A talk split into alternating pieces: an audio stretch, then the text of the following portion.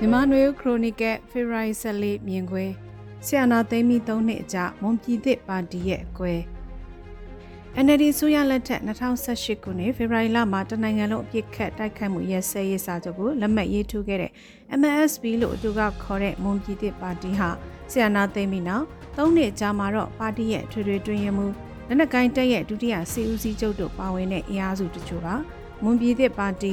ဆီယနာရှင်တိုက်ဖြည့်ရေးဆိုတဲ့အမည်နဲ့ခွဲထွက်ခဲ့ကြောင်းဖေဖော်ဝါရီလ14ရက်နေ့မှာအများသိရှိအောင်ကြေညာခဲ့ပါတယ်။ဝန်ပြည်သစ်ပါတီမှာဗဟိုကော်မတီဝင်6ဦးဗဟိုလုံးမှုဆောင်ကော်မတီဝင်3ဦးနဲ့တရင်တရင်ပါရှိတယ်လို့သတင်းဖော်ပြချက်တွေနဲ့နှီးဆက်တဲ့သတင်းရင်းမြစ်တွေရဲ့ပြောဆိုချက်အရသိရပါတယ်။ဗဟိုလုံးမှုဆောင်ကော်မတီဝင်7ဦးရှိတဲ့နံ3ဦးကခွဲထွက်တဲ့အဖွဲ့ထဲပါဝင်ပြီးရှေ့ဦးကငကိုရှင်ရင်ဖွဲ့ MNSB မှာကျင်းခဲ့တဲ့သဘောဖြစ်ပါတယ်။လက်နက်ကိုင်းအင်အားအနေနဲ့တော့လောလောဆယ်သိရသလောက် တရင်တရင်ပါသွားတယ်လို့သာသိရပြီးယာဒူတာဝန်ယူထားသူအနေနဲ့ပါတီရဲ့ထွေထွေအတွင်းမှုနိုင်စီရ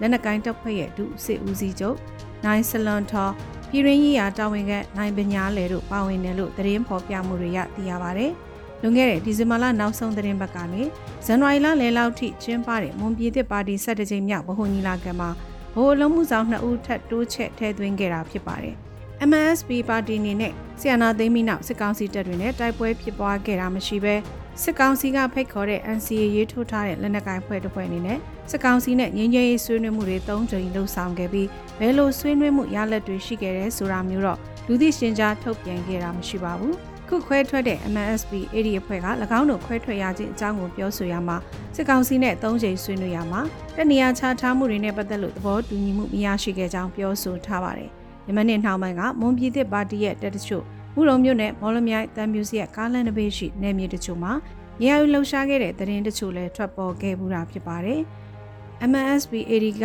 ပြောဆိုရမှာတော့ပြီးခဲ့တဲ့ဇန်နဝါရီလဗဟိုညီလာခံမှာ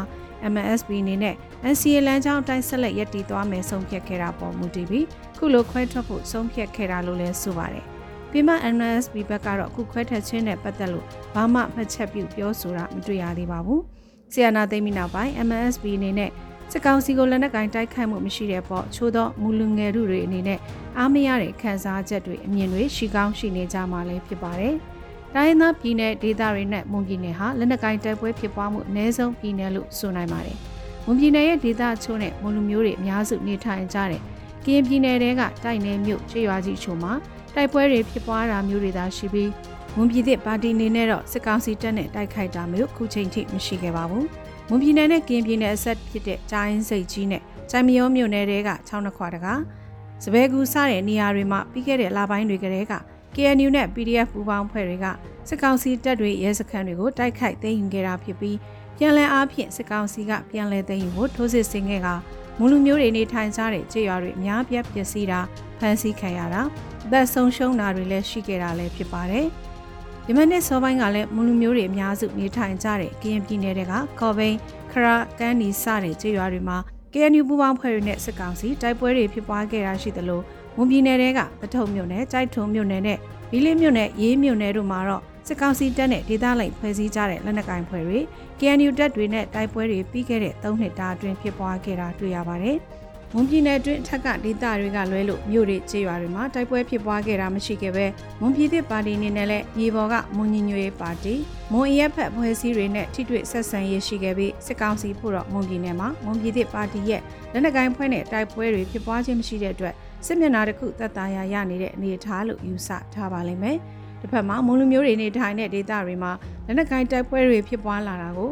ဝန်ပြည်သူလူထုအနေနဲ့မလိုလားတာမျိုးလည်းဖြစ်ကောင်းဖြစ်နိုင်ပေမဲ့လူငယ်တို့တွေကနဲ့လက်နက်ကိုင်းတပ်ဖွဲ့တွေကအင်အားစုချို့ကတော့ဆီယနာရှင်တပ်ကိုခြားသောဆီယနာရှင်စက်ကြီးရဲ့လက်နက်ကိုင်းဖွဲ့တွေနဲ့အတူပူးပေါင်းတိုက်ခိုက်လိုကြမှာဖြစ်ပါတယ်။ဒီအခြေအနေအမလို့အမရဖြစ်မှုနိုင်ငံရေးစီးလမ်းကြောင်းကွဲလွဲမှုက2024ခုနှစ်ဖေဖော်ဝါရီလ14ရက်နေ့မှာအတီလင်းဖော်ထုတ်လိုက်တဲ့သဘောဖြစ်ပါတယ်။ တစ်ခွဲထွက်တီထောင်လိုက်တဲ့လက်နက်ကိုင်းဖွဲ့ရဲ့အမည်ကိုလည်းတက်တန်းရင်မွန်ပြည်သစ်ပါတီဆိုတဲ့အမည်တိုင်းသာယူထားပြီးဆီယနာရှင်စက်ကြီးဆိုတဲ့ဝိသေသနဲ့ခွဲခြားထားတာသာဖြစ်ပါတယ်။ဆီယနာသိမ်းပြီးနောက်ပိုင်းမွန်ပြည်နယ်ထဲမှာ